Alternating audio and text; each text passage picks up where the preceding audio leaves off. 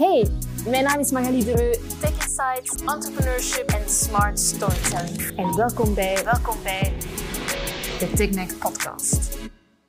Welkom in een nieuwe aflevering van TechMac.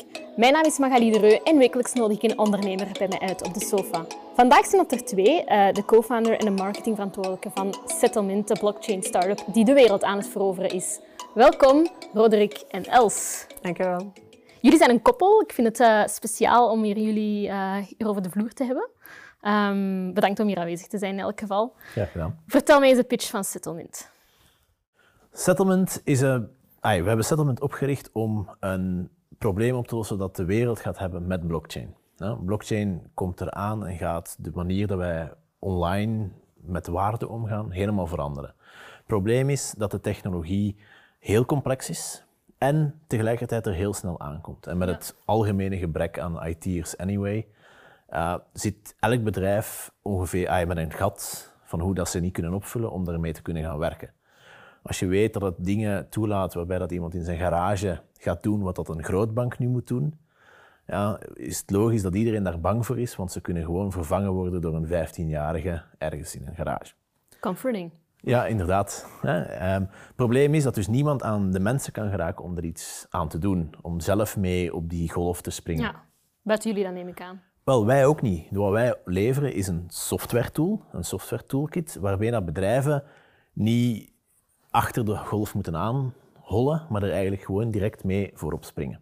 Okay. En direct kunnen beginnen, in plaats van te moeten twee jaar investeren in research. En hoe is dat gelopen? Jij hebt besloten samen met je co-founder Matthew om dat op te richten en jij, Els, had zoiets van, ah wel ja.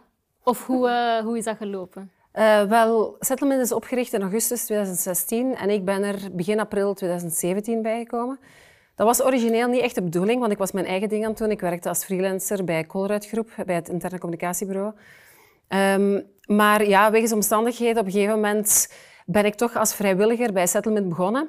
Vrijwilliger en, dan nog wel? Jawel, als vrijwilliger. Gratis en voor niks. Ja, ja, ja, inderdaad. En dan na een paar maanden merkte ik dat ik dat heel plezant vond om te doen. Ik vind dat ook een hele fascinerende technologie. Ik ben ook altijd in technologie geïnteresseerd geweest. En um, ja, op dat moment, na een paar maanden, was het duidelijk dat, uh, dat ik daar wel een bijdrage, bijdrage kon leveren. Dus dan ben ik officieel deel geworden van het settlement team. En ik hou me dus bezig met marketing en communicatie. En op het moment dat er wordt gevraagd wat dat settlement doet en je krijgt een technische uitleg, ben ik degene die zegt... Het is gewoon, met onze middleware is het gemakkelijk om eenders welke blockchain-applicatie te bouwen. Het is zoals een WordPress voor websites. Ja, oké, okay, dus kijk, eigenlijk had ik aan u moeten vragen om de pitch te doen. ja, nee, Rodek heeft het goed uitgelegd. Oké, oké. Okay, okay. En hoe moeilijk is het om marketing te doen voor een blockchain-startup? Um, wel, in het begin, allee, als ik nu over drie, vier jaar geleden sprak, weet je, dan... De meeste mensen hadden wel eens van blockchain gehoord, maar de link werd automatisch gelegd met cryptocurrencies, zoals bitcoin. Ja.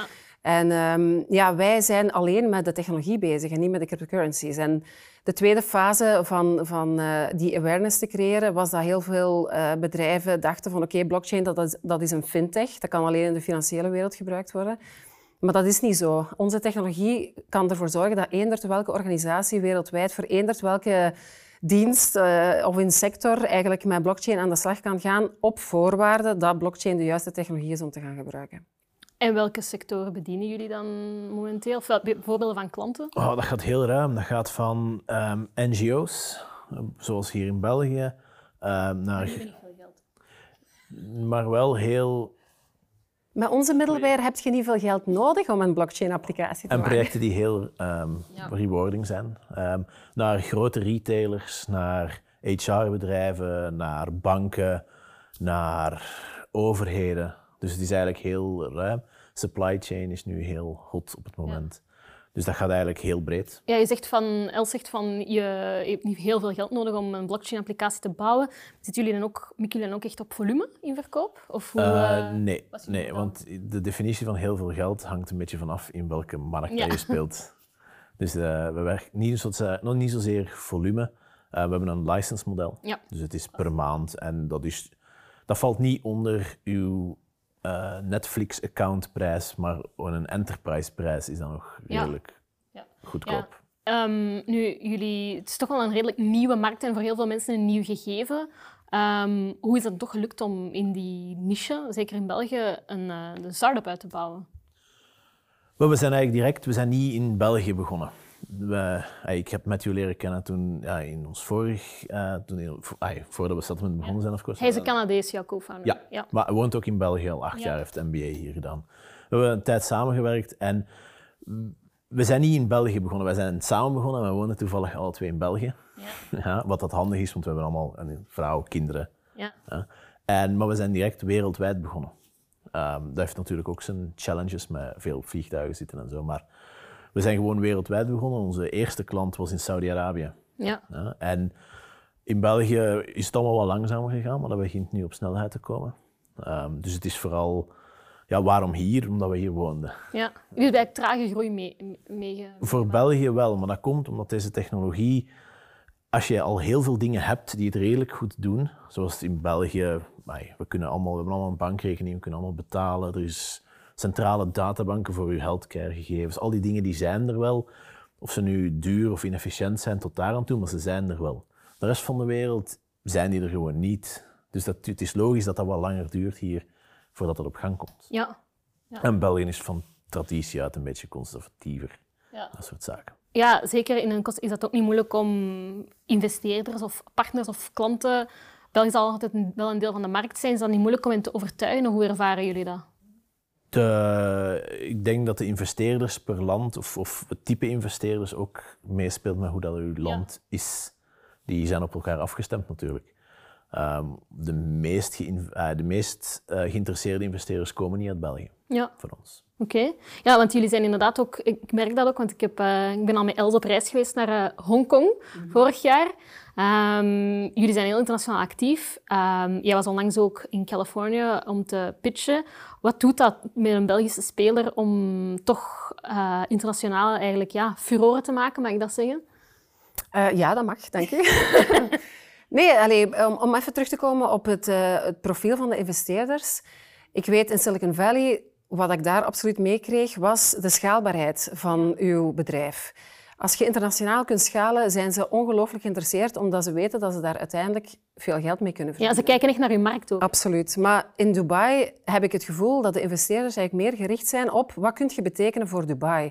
Hoe kun je ervoor zorgen dat het leven hier verbetert? Is dat in eh, China ook niet? Uh, die markt ken ik niet goed genoeg op dit moment. Um, ik moet wel zeggen dat die trip naar Hongkong inderdaad Allee, ja, gewoon de kennis van blockchain-technologie daar is toch wel merkelijk hoger dan in andere regio's op deze planeet. Um, maar ja, um, het maakt eigenlijk in deze internationale wereld niet meer uit welke nationaliteit uw bedrijf heeft. Hoor. Um, wij zien dat nu ook in ons team. Wij werken inderdaad internationaal. Ons team is ook internationaal. We hebben verschillende nationaliteiten, dus van Canadees tot uh, Oekraïens tot iemand van Malta die nu net begonnen is. Ja, die diversiteit legt volgens mij ook heel veel nieuwe perspectieven aan de dag, nee? Ja. Vandaar dat ik net vroeg of dat in het Nederlands of het Engels is en dat de helft van mijn woorden in het Engels zijn, want het is heel ja. een dag in het Engels. Wilt jij overschakelen op Engels nu, eh, Roderick? Dat kan, als je dat wilt. Maar...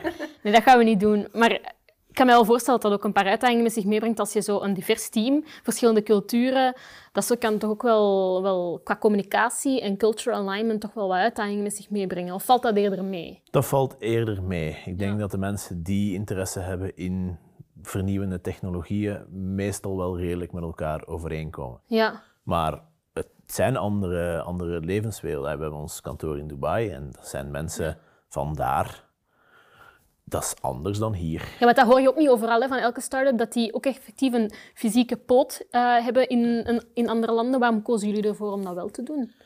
Omdat eigenlijk elke regio het nodig heeft dat je feet on the ground hebt, zoals ze zeggen. Uh, wordt dat nog te veel onderschat? Dat wordt heel hard onderschat. En zeker in het Midden-Oosten, waar alles om relaties draait. Ja. De... In België toch eigenlijk ook? Nee? Nou, minder. minder. Wij zijn zakelijker op dat gebied. Uh, hoe meer dat je naar het oosten trekt, hoe meer dat interpersoonlijke relaties heel belangrijk zijn bij het zaken doen. Ja, people management. Ja, ja dat is het netwerk. Hè. Dat is uh, wie kent je. En Allee, als je voorgesteld wordt aan iemand anders in Saudi-Arabië, dan weet je van oké, die persoon staat een beetje garant voor u op een of andere manier. Terwijl, ja, wij kunnen perfect zaken doen met Amerikanen zonder dat je elkaar gezien hebt, geskypt twee keer. En, uh... Dat is toch zalig. Maar het lijkt mij ook heel vermoeiend, omdat je zelf ook, als je met die mensen die je daar dan hebt te werk gesteld, moet communiceren, dat je dan in verschillende tijdzones zit. Dat is vooral het probleem, ja. Wij gebruiken een aantal simpele communicatietools. We hebben onze mails, we gebruiken Slack bijvoorbeeld. Um, maar ja, de tijdzones. En dat is niet alleen met de mensen die in het buitenland zitten, maar ook al de collega's die reizen. We vliegen over de wereld en inderdaad, als je dan met een 12 uur tijdverschil zit, is dat nogal lastig om af te stemmen op een project. Maar ja, dat hoort erbij. Soms moet je in het midden van de nacht een videocall doen, of op zondag. Ja, wat ik, mij, wat ik, mij, wat ook aan elke start-up vraag, is... Um, ja, jullie zijn goed bezig, maar natuurlijk, jullie hebben waarschijnlijk al ongelooflijk veel uitdagingen en soms pech voortdurend uh, hebben gekregen.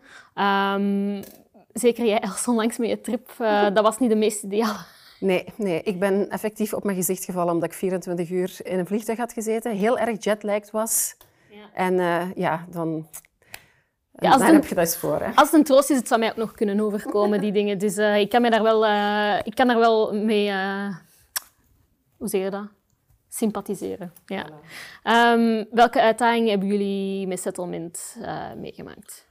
Goh, de grootste, moeilijk, ah, of grootste moeilijkheid, het grootste challenge dat er is, is uh, uw, uw, uw visie en uw doelstellingen en de vraag kunnen beantwoorden met de middelen die er zijn. Ja.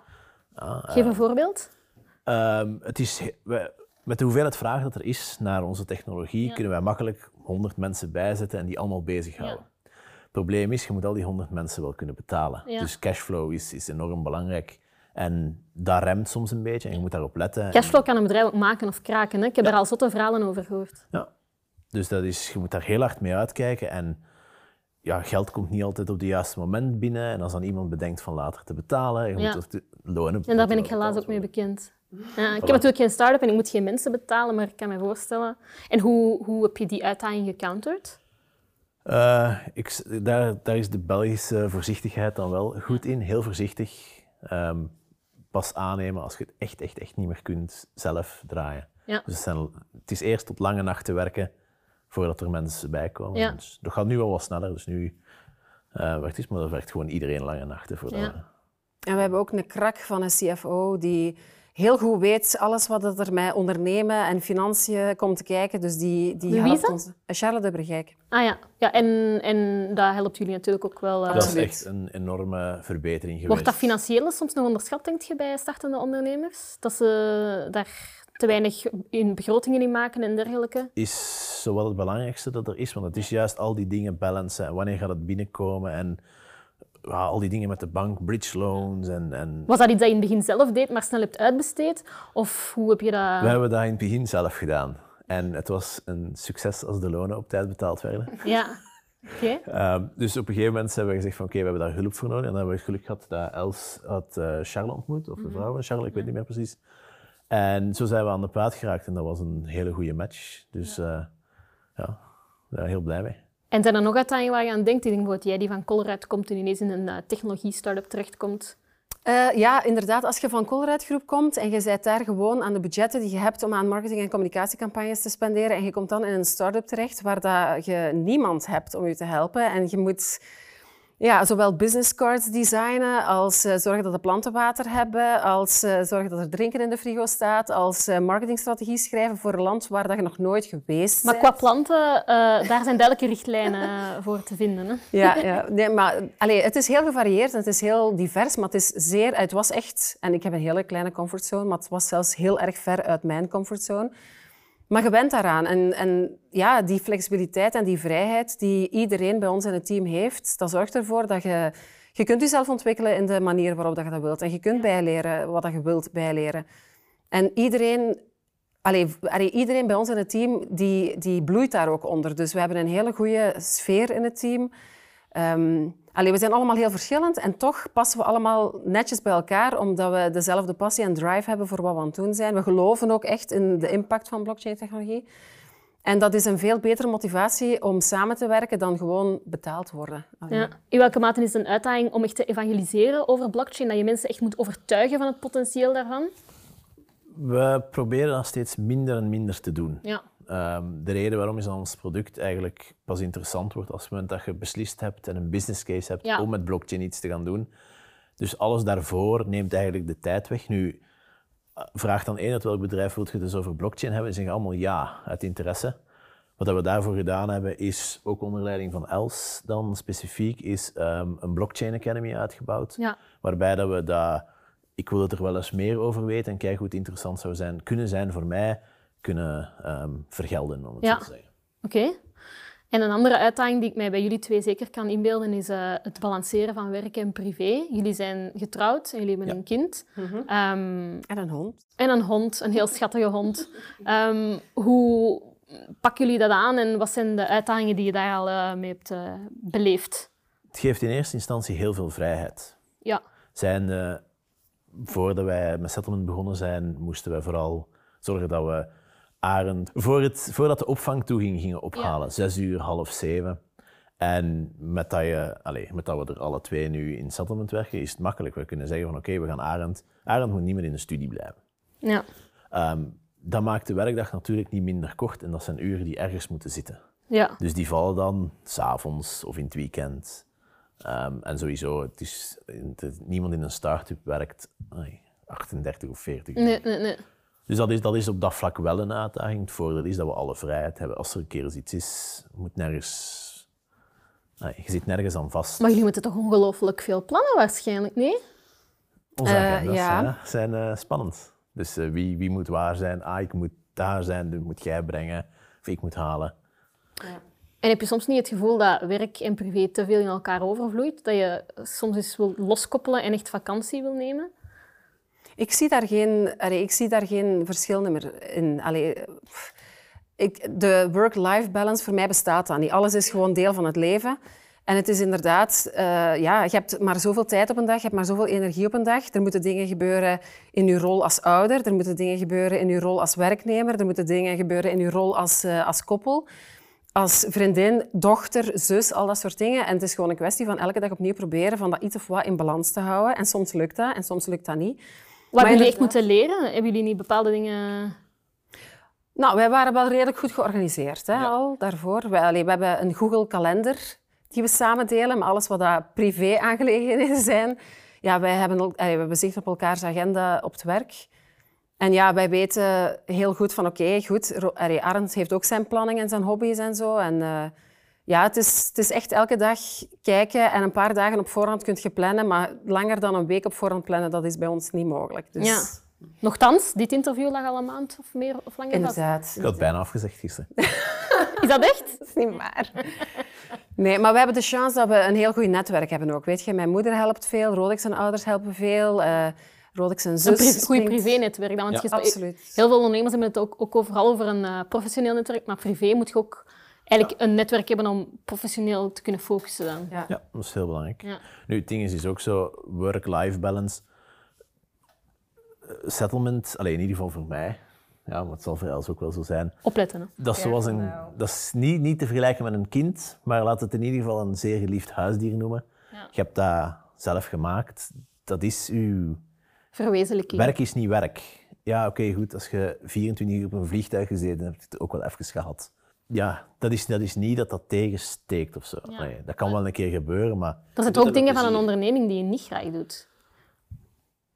Zeker in het begin komt er ook administratie, de financiële winkel bij kijken. Ja, dat komt daarbij, maar dat is, dat is daar deel van. En stress om van alles en nog wat, dat is daar ook deel van. Maar elke ochtend sta op. Maar sta ik toch in ieder geval op met het idee van kom. Ja. Maar ik denk, ik denk sowieso ook Els ook, hè, want zij, zij, ik dacht heel lang dat jij ook echt de, de co-founder was van het, eh, van het bedrijf. Is, hebben jullie door, dit, door het settlement-avontuur elkaar op een andere manier leren kennen? Of is er eigenlijk weinig veranderd, omdat dat zo deel is van jullie dagelijks doen en laten? Ik denk als persoon dat wij wel... Je evolueert constant, je persoonlijkheid. Maar de manier waarop dat wij inderdaad ja, samen ons leven delen, is wel drastisch veranderd. Want ja, daarvoor waren wij allebei zelfstandigen. We hadden dan ons eigen ding. En je weet wat ondernemen, wat er allemaal bij komt kijken. Dus ja, inderdaad, je hebt de saaie dingen zoals administratie, als je dat niet leuk vindt. Maar doordat wij dadelijk met Settlement Internationaal zijn beginnen werken, moet je inderdaad op een gegeven moment rekening houden met het feit dat Roderick, hè, dat Settlement geselecteerd was voor een Accelerator-programma in Dubai en dat Roderick negen weken in Dubai zat. En dat ik zeven weken op rij naar uh, conferenties over de hele wereld moet. Dat zijn dingen die wij nooit eerder samen hebben beleefd. En dan moet je inderdaad wel even kijken van oké... Okay, dan moet je ook wel sterk staan hè, als koppel. Uh, ja, dat is niet altijd even plezant. En efficiënt in de ochtendrush om je klein naar school te krijgen. Ja. ja. ja. ja. hoe bewaren jullie focus? Want ik denk dat jullie heel veel moeten plannen. Maar hoe uh, blijven jullie gefocust op, op de grotere visie van settlement? Ik denk dat wij gewoon heel erg sterk geloven dat wat we aan het proberen, wat we proberen te realiseren, zijnde zoveel mogelijk bedrijven en overheden faciliteren om met blockchain aan de slag te gaan. Dat is impactvol. Dat geeft ook een heel productief gevoel. Weet je, de eerste klant die we in Saudi-Arabië hadden, dat was um, een project waarbij dat we blockchain-technologie hebben gebruikt om subsidies naar burgers gewoon sneller, transparanter, correcter te versturen. Allee, uiteindelijk zijn daar 1,8 miljard mensen beter van geworden. Weet je, hier in België liggen niet veel mensen wakker van de use case, maar ik voel me daar wel prettig bij als ik denk dat je toch hebt meegewerkt aan iets waar dat mensen beter van geworden. Ja, de impact maken, dat is dus heel belangrijk voor jullie. Ja, voor iedereen in ons team. Ja. En hoe zijn jullie nog complementair uh, professioneel dan? Ja, nee, Rodek is heel anders qua persoonlijkheid dan ik.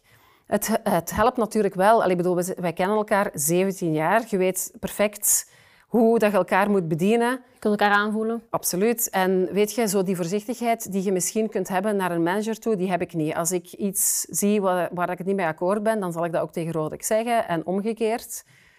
En dat maakt het wel gemakkelijker. Dan, dan is er minder bullshit, minder onzekerheid over... Zou ik dat nu wel zeggen, ja of nee?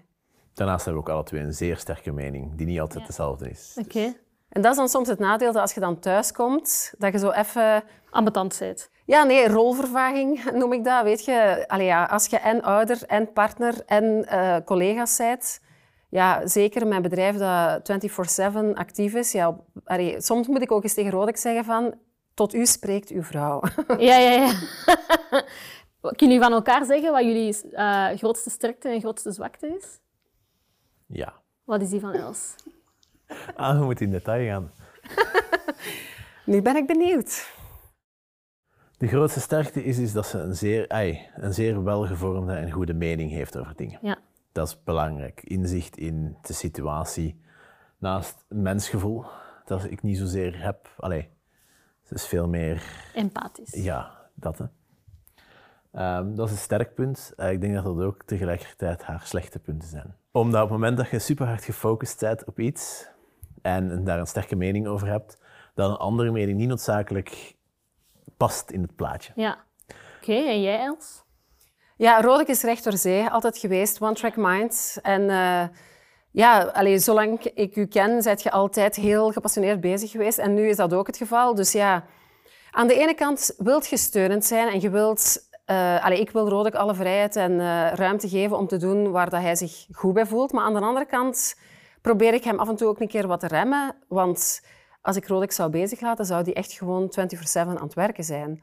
Ja. En in je hoofd kan dat misschien haalbaar lijken, maar in de realiteit is dat niet. Dus work-life balance is wel een ding eigenlijk. Opnieuw, het, af en toe moet je gewoon eens offline kunnen gaan. Weet je, gewoon om je brein even leeg te maken, om even rust te nemen. We zijn, deze, we zijn in juli een week op vakantie geweest. Ja, amai. Ja, ja, ja, ja. En was het moeilijk voor jou om het dan los te laten, settlement? Loop je de hele tijd je mails te checken, dingen te controleren? Of? Again, als dat niet stoort, is dat geen issue, vind ik. Um, en wat zijn momenteel de grootste uh, uitdagingen of moeilijkheden voor, uh, voor settlement? Waar moet er echt nog aan gewerkt worden om uh, goed te krijgen? We zijn nu enorm aan het schalen. Ja. Er zijn veel mensen erbij ja. die allemaal tijd en opleiding nodig hebben. En we zijn daarmee bezig. Je moet ze eerst vinden. Dus ja. Ja, want dan kan ik me voorstellen dat talent. Uh... ja. hoe, hoe, doen jullie dat? Laten jullie, nemen jullie mensen aan en sturen jullie in, in een opleiding? Of, of... Wel, zomaar blockchain developers van straatbukken, dat gaat niet, die bestaan niet. Dat is heel de reden voor ons product. Ja. Um, dus je moet die opleiden en dan zoek je mensen die iets nieuws kunnen leren, nog flexibiliteit hebben in wat ze doen, maar ook heel goed zijn in wat ze doen, want ja, het is moeilijk. Ja, het is niet makkelijk. Dus dat is, dat, is een, dat is een zeer grote moeilijkheid. Dus we halen ze van letterlijk overal. Er begint ergens in het najaar begint er iemand die zelfs uit, uit Marokko komt. Ja. En daar waar hij visas voor regelen. Waarom? Als je iemand vindt die goed is, dan moet je niet twijfelen, dan moet je die laten komen. Maar schalen betekent ook niet, natuurlijk niet meer, alleen meer mensen aannemen, ook heel veel processen. Is dat iets waar jullie ook moeite mee hebben? Ik probeer, of we proberen de processen tot een minimum te bewaren. Dus op de expense notes na ja. Ehm, zijn er niet zo heel veel processen. We gebruiken, ja, wat, in wat dat we gebruiken en de tools en zo zijn zo wel wat afspraken, maar op zich zitten die niet vast. Um, we hebben een hele lichte structuur. Ja. Is dat bewust? Ja, absoluut. Ja. Want je hoort toch van veel schalende bedrijven dat ze zeggen van begin zo snel mogelijk eh, werk te maken van die processen. Ja, op een gegeven moment zal dat wel nodig zijn. Als je, te, allez, als je met 200 mensen bent, kun je niet dezelfde communicatieprocessen hebben als dat je met, met 20 mensen bent. Maar op dit moment kan dat nog. En allee, ja, we merken, allee, we hebben een managementteam van vier mensen. Roderick, uh, Matthew, ik en dan Charles. En ja, wij hebben onze tweewekelijkse meeting waar dat we al de saaie dingen bespreken, als ik het zo moet zeggen. En dan hebben we een maandelijks moment waar we met het hele team samenkomen. Naast al de informele momenten, want wij zitten heel vaak op vrijdagavond in half vijf in Leuven. Ehm, maar ja, allee, dat is nodig dat je die interne communicatie hebt om, om die betrokkenheid ook in, tot stand te houden. Hè. Allee, maar op zich, ja, allee, wij hebben op dit moment niet het gevoel dat we, dat we meer processen moeten implementeren. Iedereen is bezig met zijn eigen ding. Uh, we hebben regelmatig momenten dat er wordt overlegd. Ja. ja ik, heb bedrijf, ik heb een bedrijf gewerkt waar we met 10 begonnen zijn en met 120 zijn geëindigd. En als je al die dingen online ook leest, dus je moet je bedrijf organiseren voor de maat van bedrijf dat je hebt. Als je een bedrijf van 20 man hebt, dan moet je zorgen dat je structuur is voor 20 man. Ja. Als je begint met je structuur met 20 man of met 10 man op te zetten alsof dat je 100 man hebt, dan heb je op een gegeven moment, en wij noemen dat bij ons, we willen, dan heb je te veel generaals en te weinig soldaten. Dan heb je allerlei structuren gecreëerd en, en niveaus en meet, tussenmeetings om, om, om data allez, te laten doorstromen. En uiteindelijk zit je allemaal alleen maar te praten in plaats van effectief nog iets te doen. Ja. Nou, dus nu is het een periode dat wij vooral zoveel mogelijk willen doen en zo min mogelijk bezig willen zijn met, ja, met structuren die we nog niet nodig hebben. Een deel van het schaalproces is ook uh, um, voor veel start-ups investeringen extern kapitaal ophalen. Um, jullie hebben onlangs um, 3,6 miljoen, denk je dat was? 3,4. 3,4 miljoen opgehaald uh, via subsidies. Uh, daarvoor hadden jullie een zijkapitaalronde en nu zijn jullie bezig met Series A. Uh, je zegt van, wij zijn toevallig, wij zijn geen Belgisch bedrijf, we zijn toevallig uh, België die, uh, in België gestart. Betekent dat ook dat jullie dan investeerders over de landsgrenzen heen zoeken? Ja, um, zeer specifiek in zoeken strategische investeerders. Dus niet ja. gewoon hier is geld, doe er iets leuks ja. mee. Maar strategische investeerders in de regio's waar dat wij op willen inzetten of in de sectoren dat we willen inzetten. En dat zijn er in Europa, dat zijn er in Azië, dat zijn er in het Midden-Oosten. Ja, dus echt uh, de wereld benaderen. Ja, en dat, zijn, sorry, dat zijn ook bedrijven die... Um, allez, dat zijn niet gewoon investeringsmaatschappijen, dat zijn vaak grote bedrijven die een investeringsarm hebben. Ja. Dus voor hen uh, de prioriteit is van oké, okay, kunnen we samenwerken? En dan zijn die ook rapper geneigd om in ons te gaan investeren, omdat ja, ze winnen op twee verschillende aspecten. Allee, het is goed voor hen als we zaken kunnen samen doen en de return daarvan kan dan ook gevoeld worden als ze in ons ge geïnvesteerd hebben. Nu, jullie gaven er, er, net al aan dat snelheid heel belangrijk is in jullie start-up. Uh, snelheid en focus in elke start-up trouwens. Maar je hoort toch van heel veel ondernemers dat uh, het ophalen van geld dat het altijd veel langer duurt dan voorzien. Um, hoe zijn jullie daartegen gewapend? Um, ja, kun je daartegen wapenen? Niet echt. Allee, ja, het is ook het is ook een kwestie van de juiste mensen te vinden om in het bedrijf te investeren. Want als het inderdaad gewoon mensen zijn die geld, allez, geld geven of geld krijgen van investeren, dat is op zich niet moeilijk. Maar het is inderdaad het feit dat wij op zoek zijn naar smart money, mensen die ook iets kunnen bijdragen. Niet gewoon mensen die zoiets hebben van oké, okay, settlement, ja, die doen het goed, die zijn internationaal schaalbaar, we gaan daar veel geld mee kunnen verdienen, laten we daar geld in pompen. Allee, ja, dat zijn niet echt de mensen waar dat wij naar op zoek zijn. En ja, dat horen de investeerders waarschijnlijk niet altijd even graag, want iedereen gelooft van zichzelf wel dat ze een bijdrage gaan leveren. Maar op zich, ja, we zijn toch eerder op zoek naar investeerders die echt concrete cases kunnen brengen, waar dat wij weten van oké, hier kunnen wij waardevol in zijn. En dat je echt een duurzame relatie opbouwt met een investeerder. Het is niet de bedoeling bij elke series, bij elke round van een complete cleaning of de, tap, uh, of de cap table te doen. De bedoeling is om echt wel een relatie uit te bouwen met die investeerders ook en naar de toekomst toe. Ja, het is daarnaast, we zijn nog niet op zoek naar onze eerste klant. Nee. dus er komt wel degelijk geld binnen, wat zorgt ervoor dat we eigenlijk al heel lang aan het doen zijn zonder investering. Ja. Het is gewoon voor de volgende stap te nemen, um, is er gewoon meer nodig. Ja, oké. En zou je zelf ooit overwegen om het te verkopen of een ander bedrijf over te nemen? Uh, Acquihires staat zeker op de planning. En ook op termijn het bedrijf te verkopen is ook in principe de bedoeling. Veel ondernemers zijn daar geheimzinnig uh, over, maar jij zegt van... Nee, dat is, ik denk dat dat maar normaal is op een gegeven moment. Oké. Nee, um, hierbij mag ik weer al een nieuwe aflevering van TechMac uh, afronden. Indien je het even interessant vond als ik, geef dan even een thumbs up. En als je nog vragen hebt voor Els of uh, Roderick, dan mag je die ook droppen in de comments. Ik ga jullie een fistbump geven. Bedankt om hier aanwezig te zijn. Graag gedaan, dankjewel. Bedankt om de podcast te beluisteren. Wil je meer interviews zien en horen? Of misschien zelfs langskomen in mijn show? Ga dan zeker naar techmac.be. Tot de volgende!